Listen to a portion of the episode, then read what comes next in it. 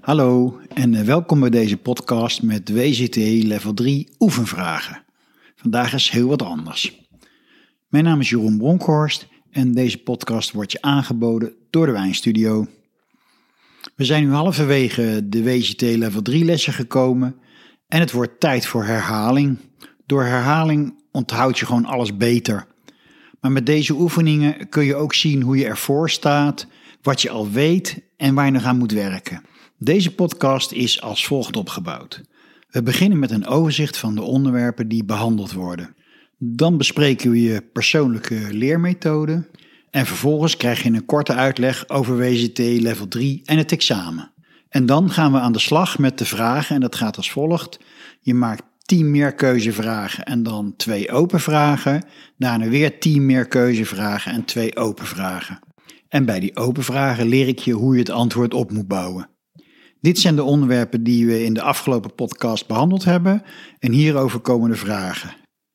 Viticultuur, vinificatie, de WCT internationale proefmethode op level 3 niveau, Bourgogne, Bordeaux, Rhône, Languedoc-Roussillon en Provence, Spanje en Portugal.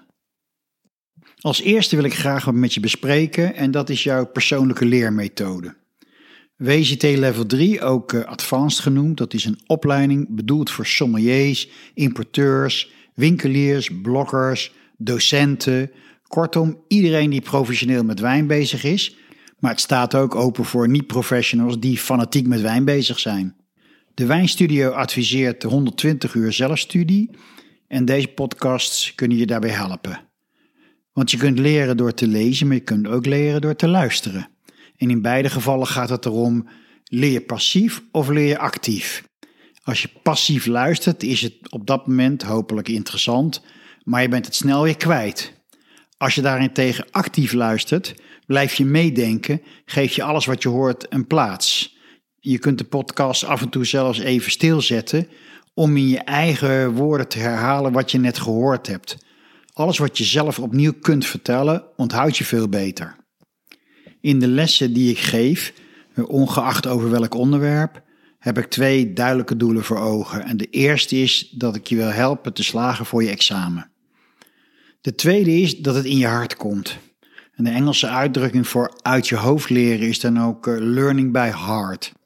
Ik heb mijn doel bereikt als je het onderwerp zo leuk vindt dat je er over een paar jaar nog steeds wat over te zeggen weet. Of nog beter, dat je er straks nog veel meer over weet te zeggen. Ik weet niet eh, hoe het voor jou is, maar bij mij en bij veel andere mensen werkt het goed om eh, voorstellingen te maken. Bijvoorbeeld, je stelt je het vlakke land van de Médoc voor met al die dure châteaus met de eindeloze oprijlanen. En dan bedenk je het klimaat. Het ligt aan de Atlantische Oceaan. Er zijn stormen, regen, hagelbuien, heftiger dan in Nederland. Je ziet de druiven beschadigd worden. Je ziet de regen aan de druiventrossen hangen, die later rot veroorzaakt. Maar je bedenkt ook dat je duizend kilometer naar het zuiden gereden bent om daar te komen. In de zomer is het dus een stuk warmer. En dan kijk je in gedachten naar die rijen druiven, allemaal dicht op elkaar om eh, flink te concurreren, langs ijzerdraad geleid. En dan zie je de oogstmachines de wijngaarden inrijden. En dan heb je eigenlijk al een aantal feiten verzameld over de Médoc uh, die je bij het beantwoorden van vragen van pas komen. In de podcasts vertel ik af en toe wat dingen tussendoor. Uh, dingen die ik meegemaakt heb in de wijnwereld. Dat vind ik zelf leuk. Maar ik hoop dat er daardoor ook iets bij blijft van de cultuur. Ja, en uh, dan wat over WCT level 3 en het examen. WCT zegt over de level 3 opleiding: level 2 is wat, level 3 is waarom. Bij level 2 leren we de feiten. Bij level 3 leren we nog meer feiten, best wel veel maar je leert ook verbanden leggen. En daarbij komen wijnbouw en wij maken telkens terug. De meerkeuzevragen in het examen zijn gewoon kennisvragen. Er zijn vier antwoorden. Je weet het of je weet het niet. En als je het niet weet, moet je een andere strategie gaan volgen. Van logisch nadenken en wegstrepen. Open vragen testen je inzicht. Je kunt niet kiezen, je moet zelf antwoorden formuleren. En ik leg je in deze podcast uit hoe je dat het beste kunt aanpakken. De open vragen zijn toch wel eh, het lastigste onderdeel van het examen. Maar uh, cursisten die zich zorgen maken over de open vragen, zeg ik altijd.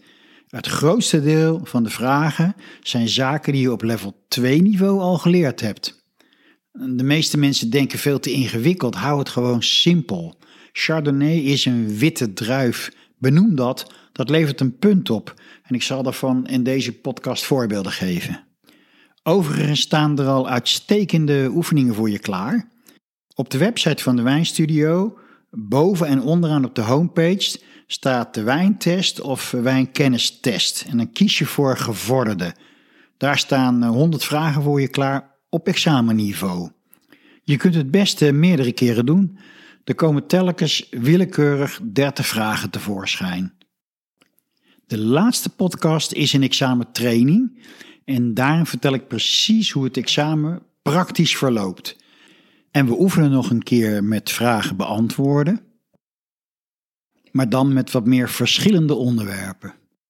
Tot zover de inleiding en uitleg over de oefenvragen. We gaan starten met een aantal meer keuzevragen. Zit je er klaar voor? Hier komt vraag 1. MLF, dat betekent, MLF, dat betekent een ernstige schimmelziekte van de druif, of een bacterieziekte van de bladeren, of de eerste fermentatie, gist zet suikers om in alcohol, of bacteriën zetten appelzuur om in melkzuur. Achter elke vraag krijg je een kort muziekje, dan kun je heel even nadenken. Eventueel kun je natuurlijk ook de vraag nog opnieuw beluisteren.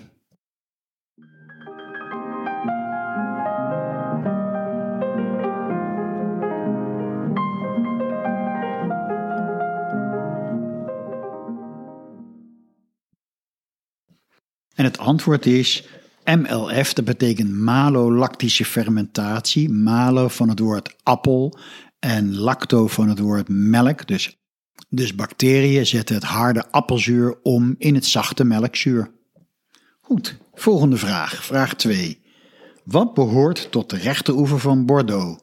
Is dat Haute-Médoc, Pomerol, Sauternes of Saint-Estèphe?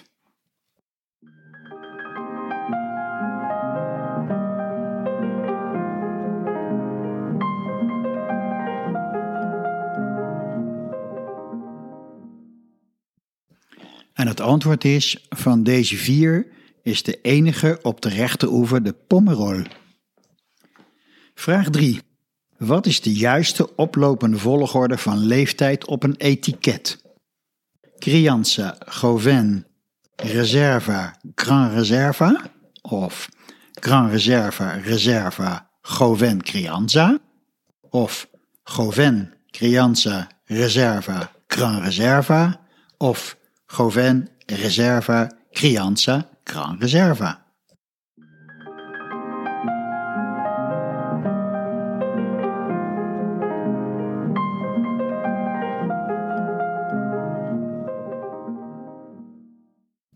En het antwoord op deze vraag is: Gauvin betekent jong, dus daar begint het mee. Nou, dan krijg je Crianza, Reserva en Gran Reserva. Dat zijn allemaal leeftijdsaanduidingen van wijnen in Spanje. Vraag 4. Wat zijn hybrides? Wat zijn hybrides? Zijn dat Amerikaanse druiven doorgeteeld op raskenmerken? Of Amerikaanse druiven gekruist met Europese druiven? Of Europese druiven doorgeteeld op raskenmerken? Of Europese druiven gekruist met Europese druiven?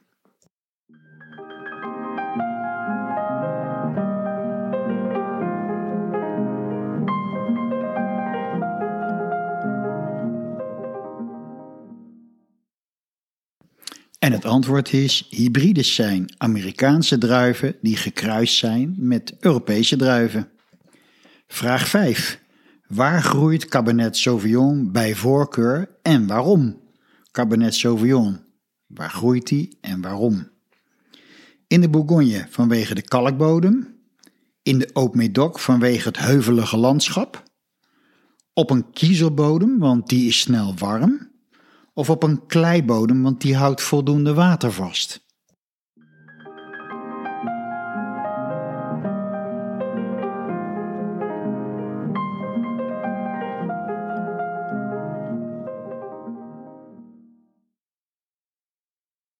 En het antwoord is op een kiezelbodem, want die is snel warm. Vraag 6. Wat is de maceration carbonique? Is dat een open vergistingssysteem? Of is dat een proces wat uitsluitend toegepast wordt in de Beaujolais? Of is dat vergisting onder druk in een afgesloten tank? Of is het de tweede fermentatie door bacteriën?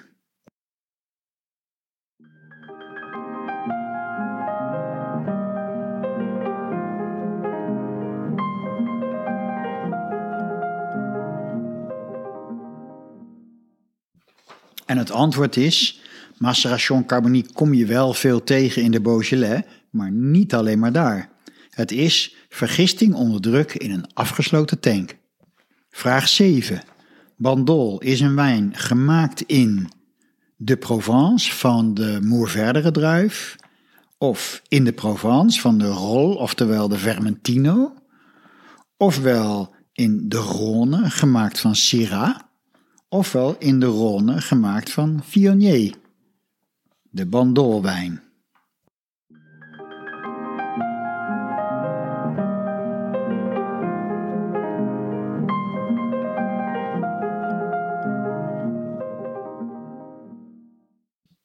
En het antwoord is: Bandol is echt een wijn van de Provence, gemaakt van de Moerverdere. Vraag 8. Pinot Noir is een druif. En hoe zit hij in elkaar? Heeft hij een dunne schil en geeft hij de beste kwaliteit in koele gebieden? Of heeft hij een dikke schil, groeit hij vooral in warme gebieden? Heeft hij laag zuur, een volle kleur en hoge tannine? Of heeft hij uitgesproken aromas van bramen en dadels.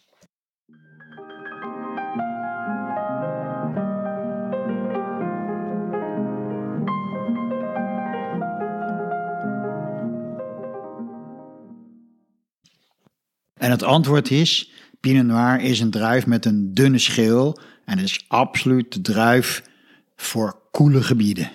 Daar hoort hij thuis, daar komt hij het best tot zijn recht. Vraag 9. Botrytis.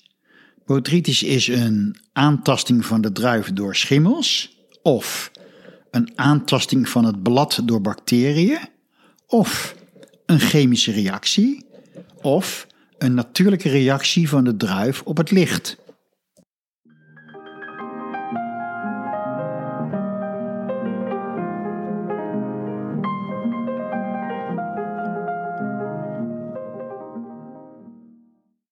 En het antwoord is: botrytis is een aantasting van de druif door schimmels. Hij boort er gaatjes in, waardoor de druif veel water verdampt en alles concentreert. Botrytis druiven worden gebruikt om zoete wijnen van te maken, bijvoorbeeld in de Sauterne. En dan de laatste vraag, vraag 10. De Côte d'Or. De Côte d'Or is een gebied in de Bourgogne, bekend van Pinot Noir. Of is de Côte d'Or een gebied in de Bourgogne bekend van Pinot Noir en Chardonnay? Of is Côte d'Or een gebied in Noord-Rhône bekend van Syrah en Viognier? Of is Côte d'Or een gebied in de Zuid-Rhône bekend van Grenache?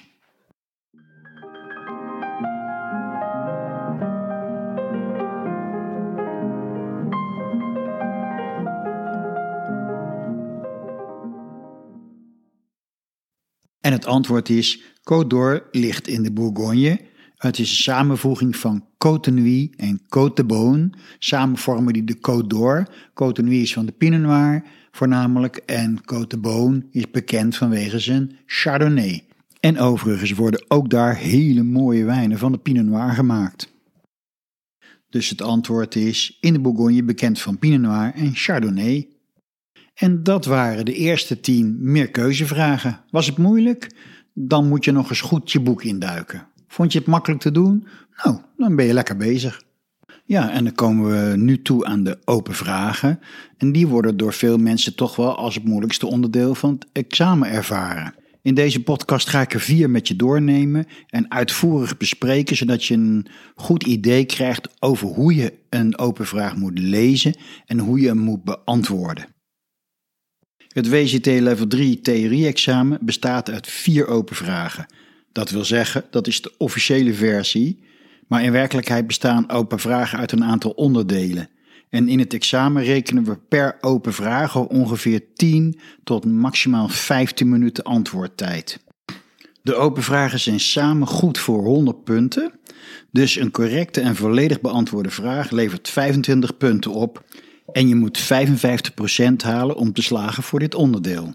In feite sprokkel je de puntjes bij elkaar. Om een voorbeeld te geven, als er een vraag gesteld wordt over Chianti en je zegt dat komt uit Toscane en dat ligt uh, in Italië, dan heb je twee punten gescoord van de 25.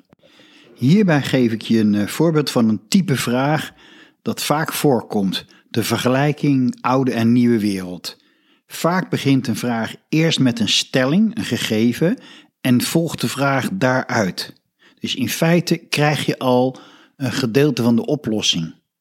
De vraag luidt als volgt: Je bent sommelier en een gast aan tafel vertelt dat ze een groot liefhebber is van Meursault. Vandaag zou ze graag eens een wijn uit de nieuwe wereld willen proberen. Dit is dus de stelling en nu volgen er twee vragen. A. Omschrijf de stijl van Meursault en de omstandigheden die deze stijl bepalen. Onthoud dat met stijl altijd smaak bedoeld wordt. B. Geef een passend alternatief uit Australië, omschrijf de omstandigheden en benoem en verklaar het verschil in stijl. Als eerste en belangrijke tip wil ik je meegeven: er worden twee vragen gesteld. Beantwoord de vraag altijd apart, nooit door elkaar heen. Dus begin gewoon eerst met vraag A. Omschrijf de stijl van Meursault en de omstandigheden die deze stijl bepalen. Daarna beantwoord je vraag B. Geef een passend alternatief uit Australië. Omschrijf de omstandigheden en benoem en verklaar het verschil in stijl. Nou, dit ziet eruit als een vrij eenvoudige vraag, maar het is eigenlijk een vraag waar een heel uitgebreid antwoord op mogelijk is.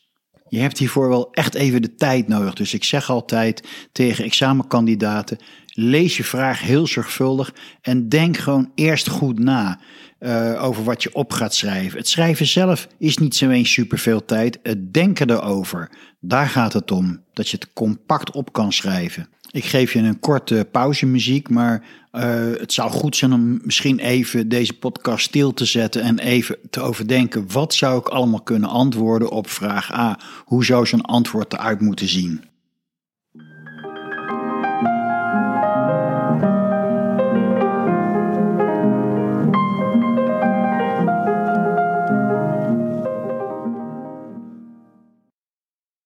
Ik ga je nu een zeer compleet en uitgebreid antwoord geven. Wat opgebouwd is uit allemaal feiten. En ieder feit wat je weet te noemen, wat correct is, wat van toepassing is, daar verdien je een punt mee. En ik laat je iedere keer een belletje horen bij elk punt wat je scoort. Zo krijg je een beetje een beeld van hoe een examinator kijkt. Die, die, leest gewoon jouw woorden en die denkt dat is goed en dat is goed en dat is goed. En dan geeft hij een punt voor. En alles wat niet goed is, dat laat hij gewoon liggen. Dat boeit hem niet. Vraag A. Omschrijf de stijl van Meursault en de omstandigheden die deze stijl bepalen. En hier komt het antwoord. Meursault komt uit Bourgogne in Oost-Frankrijk.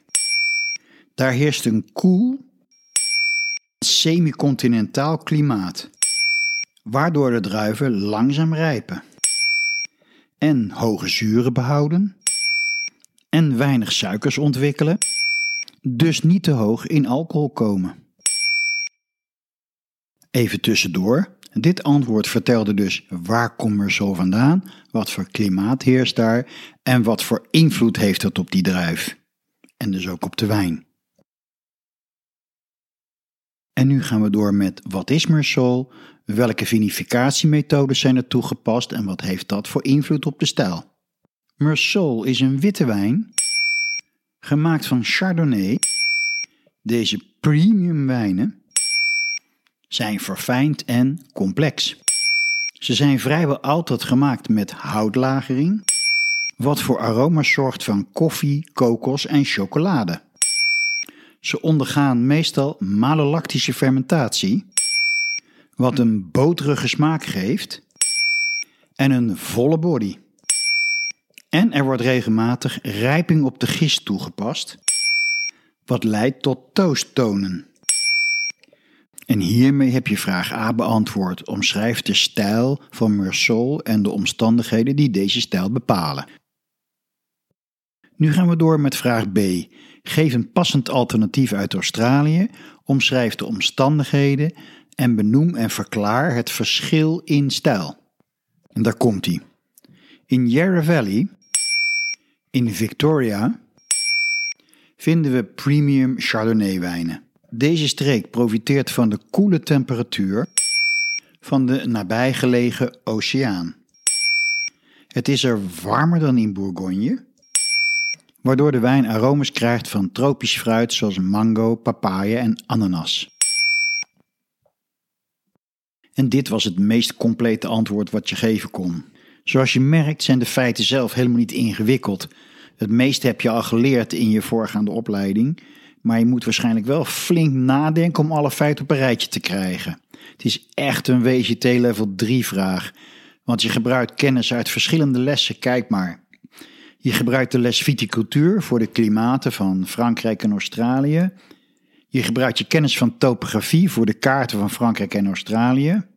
Je gebruikt je kennis over de Chardonnay-druif en de stijlen daarvan in verschillende klimaten. En van de les vinificatie gebruik je de verschillende wijnmaaktechnieken. Voor deze vraag zal je waarschijnlijk wel de volle 15 minuten nodig hebben om het allemaal te bedenken. Ik geef je weer even een kort muziekje. Misschien wil je de voorgaande vraag en antwoord toch nog eens opnieuw beluisteren.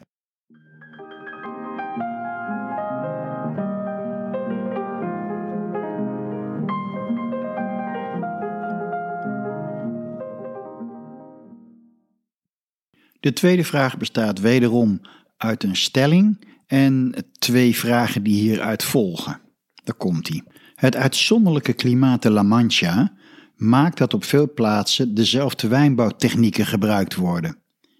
Benoem hieronder de klimatologische uitdagingen en verklaar hoe twee wijngaardkenmerken deze uitdagingen helpen oplossen.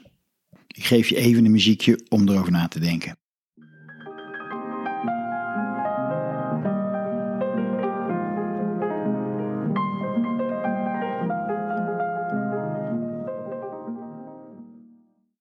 Goed, nog een keertje. Het uitzonderlijke klimaat in La Mancha maakt dat op veel plaatsen dezelfde wijnbouwtechnieken gebruikt worden.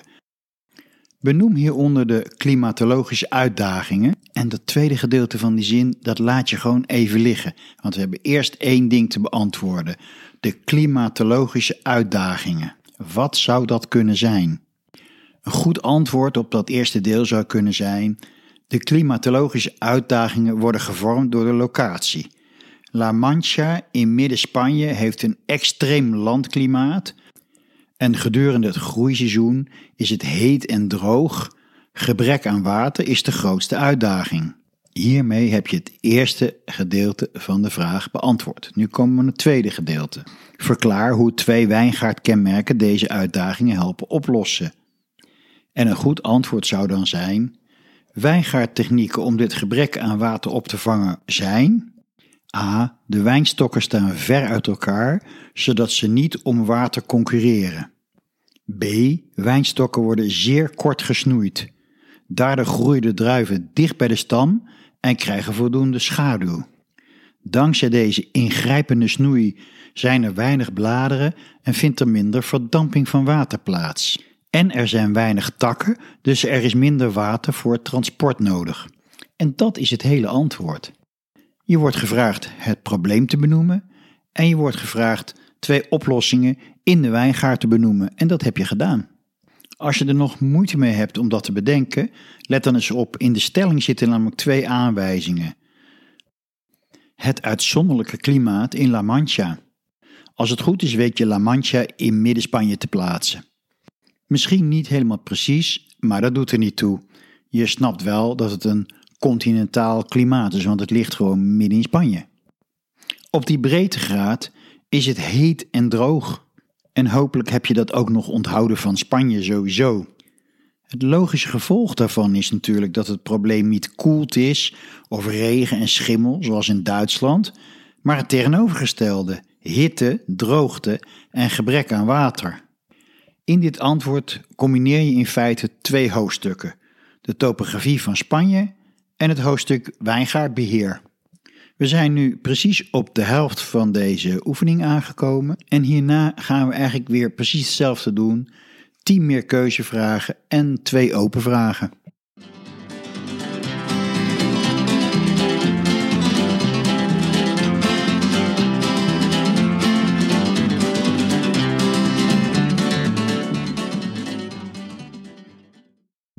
Hier komt weer een serie van 10 meer keuzevragen. En een tip van mij: vertrouw op je intuïtie. Ga af op wat het eerste is wat je aanspreekt. Streep in gedachten weg wat fout is, kijk wat je overhoudt en gebruik je gezond verstand. Je kunt alles heel eenvoudig in je boek terugvinden. Succes! Vraag 1. Een licorella-bodem, steile terrassen en oude stokken is typisch voor Priorat, Ribera del Duero, Somontano of Toro.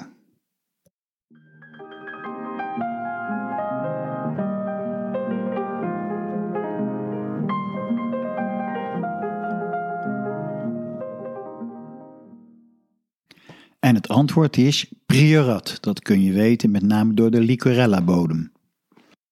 Vraag 2. Wat is de belangrijkste druif op de rechteroever van Bordeaux? Is dat Cabernet Franc, Cabernet Sauvignon, Grenache Noir of Merlot?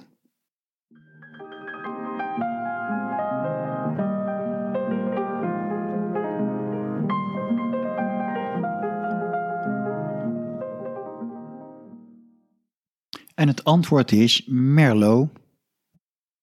Vraag 3. Welke cru uit de Zuid-Rhône staat bekend om zijn rosé? Is dat Baume de Venise, Coteron Village, Lirac of Vaquera?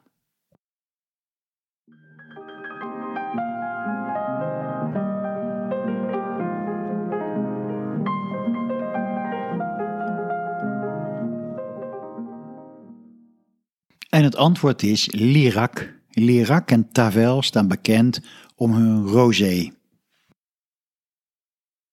Vraag 4. In welke wijnregio is Malbec het belangrijkste druivenras? Bergerac, Cahors, Côte de Gascogne of Madiran?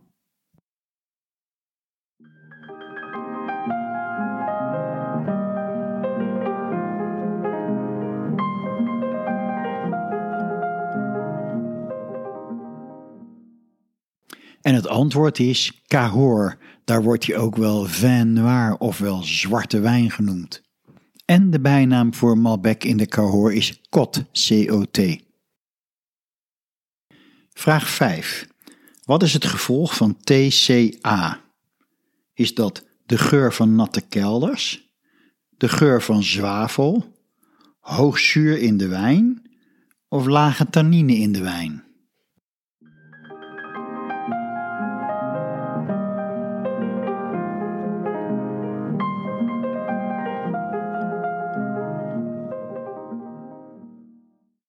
En het antwoord is de geur van natte kelders. Ook wel de geur van nat karton. Eigenlijk alles wat schimmelig ruikt. Vraag 6. Bushfine, een snoeimethode in de Zuid-Rhône, is een korte snoei op één zijtak, korte snoei op diverse takken, lange snoei op diverse takken, lange snoei op één zijtak.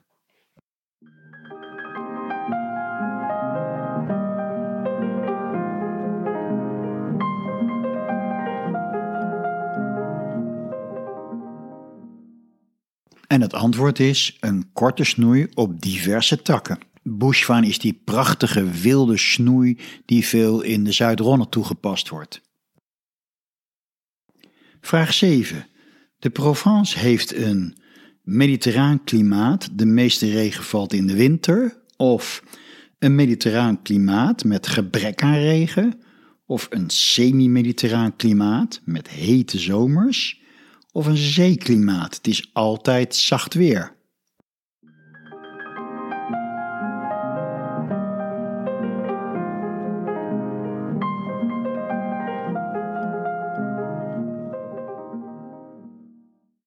En het antwoord is een mediterraan klimaat, de meeste regen valt in de winter. Vraag 8. Meursault is een rode wijn in lichte stijl uit de Bourgogne.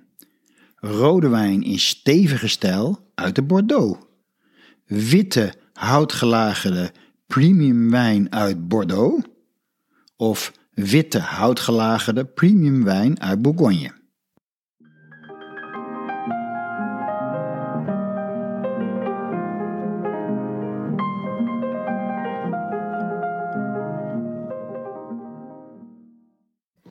Ja, deze vraag zou je eigenlijk zonder enige twijfel moeten kunnen beantwoorden, want we hebben hem natuurlijk als open vraag beantwoord. Het is een witte, premium, houtgelagerde wijn uit de Bourgogne. Vraag 9. Welke wijnregio komt niet in Spanje voor? Niet. Bayrada, La Mancha, Ribero del Duero of Priorat?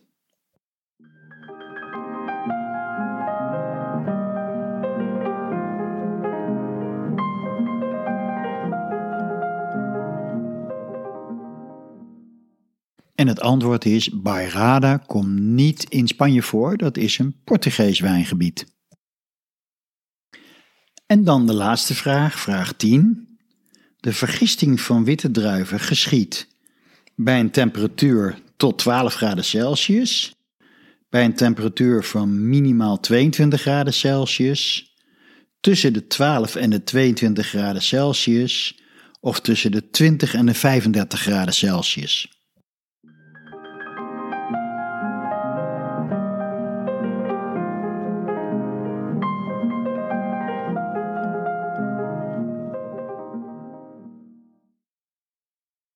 Antwoord is witte wijn vergist bij temperaturen tussen 12 en 22 graden Celsius. Zo, en dat waren alle meerkeuzevragen. Ik hoop dat je het goed gedaan hebt. En dan gaan we nu weer door met twee open vragen. De derde open vraag in deze podcast gaan we wat anders behandelen. Je krijgt een stelling en een vraag. En je krijgt erop een antwoord wat een cursist gegeven heeft. En mijn vraag aan jou is: wat vind je van dit antwoord? Nou, daar komt hij. Vitis vinifera is de familie van wijndruivenrassen. Verklaar wat klonen en hybrides zijn en wat het voordeel van beide is. Denk er maar even over na.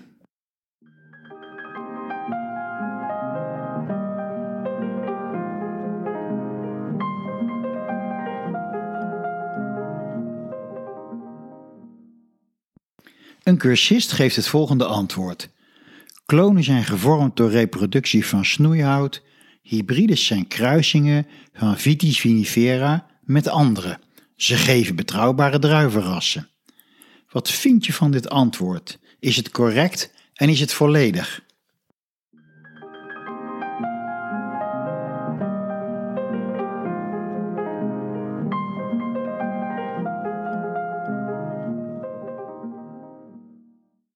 Ik zou je vertellen wat een examinator van dit antwoord vindt.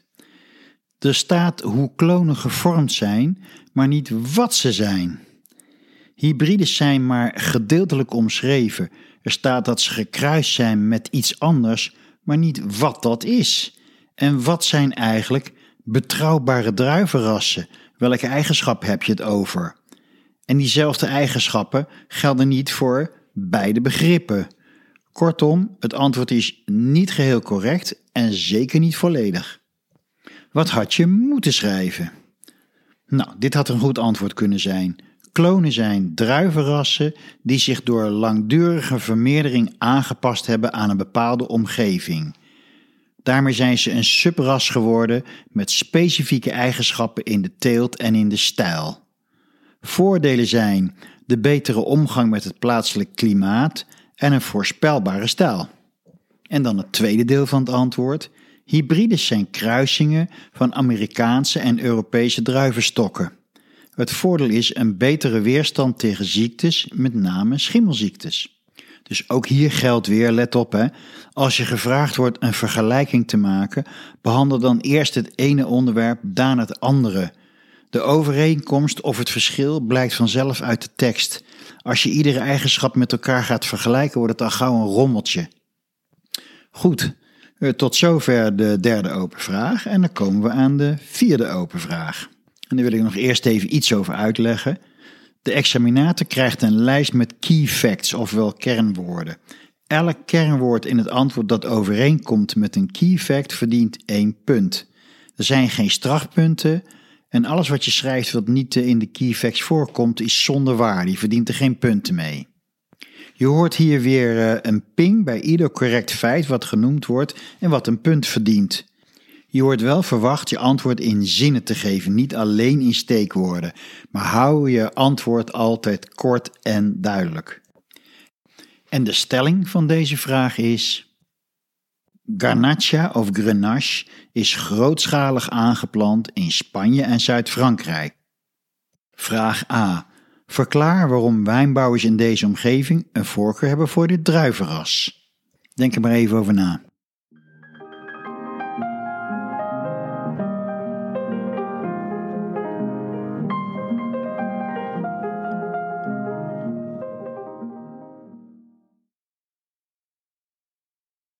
Vraag B.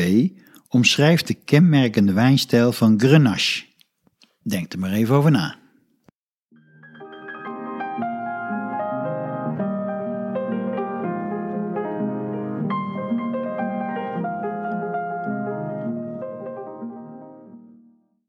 Vraag C. Verklaar waarom van Grenache vaak een rosé gemaakt wordt.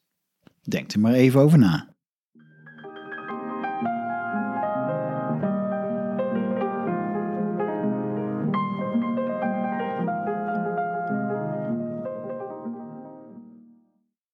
We gaan die vragen en antwoorden nu één voor één doornemen. Vraag A. Verklaar waarom wijnbouwers in deze omgeving een voorkeur hebben voor dit druivenras. Je hoort weer een pingetje bij een correct feit wat genoemd is. En hier komt het antwoord. Grenache is bijzonder goed bestand tegen hitte en droogte. Dat maakt deze druif bij wijnmakers favoriet in zeer warme wijnregio's. Vraag B. Omschrijf de kenmerkende wijnstijl van Grenache. Grenache bevat van nature veel suiker, wat wijnen geeft met een volle body en veel alcohol. Het heeft een gemiddeld zuurgehalte en weinig tannine. En aroma's van rood fruit en kruiden. In zeer warme omstandigheden worden de aroma's jamachtig. En tenslotte vraag C. Verklaar waarom van Grenache vaak een rosé gemaakt wordt. Omdat Grenache meestal weinig kleur bevat, wordt er vaak rosé van gemaakt. Dit waren de vragen en de antwoorden en hiermee ben je aan het eind van deze oefening gekomen. Ik hoop dat uh, meer keuzevragen makkelijk voor je waren. Dat je merkte van, oh, dat heb ik eigenlijk wel goed geleerd. Zo niet, dan weet je wat je te doen staat. Maar ik hoop vooral dat uh, de manier van beantwoorden van de open vragen iets duidelijk gemaakt heeft. Als je vragen over wijn op een goede manier wil beantwoorden, zul je merken dat je toch heel vaak eerst terug moet naar viticultuur en vinificatie. En als we het over viticultuur hebben, vooral klimaat en druiven. Antwoorden moeten kort en krachtig zijn. Dat heb je waarschijnlijk ook wel gemerkt. Je kunt een hoop vertellen wat je weet, je kennis spuien, maar als er niet om gevraagd wordt, ja, dan verlies je eigenlijk alleen maar kostbare tijd in het examen, want je krijgt er geen punten voor. De volgende podcast gaat over Duitsland, wat zo dichtbij ligt en wat als het op wijn aankomt zo enorm veel te bieden heeft. We behandelen het klimaat, de wijnregio's, druiven en de wijnen en de wijntechnieken. Kortom, ik vind heel veel interessante zaken als je van wijn houdt. Mijn naam is Jeroen Bronkhorst en deze podcast wordt je aangeboden door de Wijnstudio. Je bent van harte uitgenodigd voor de volgende podcast.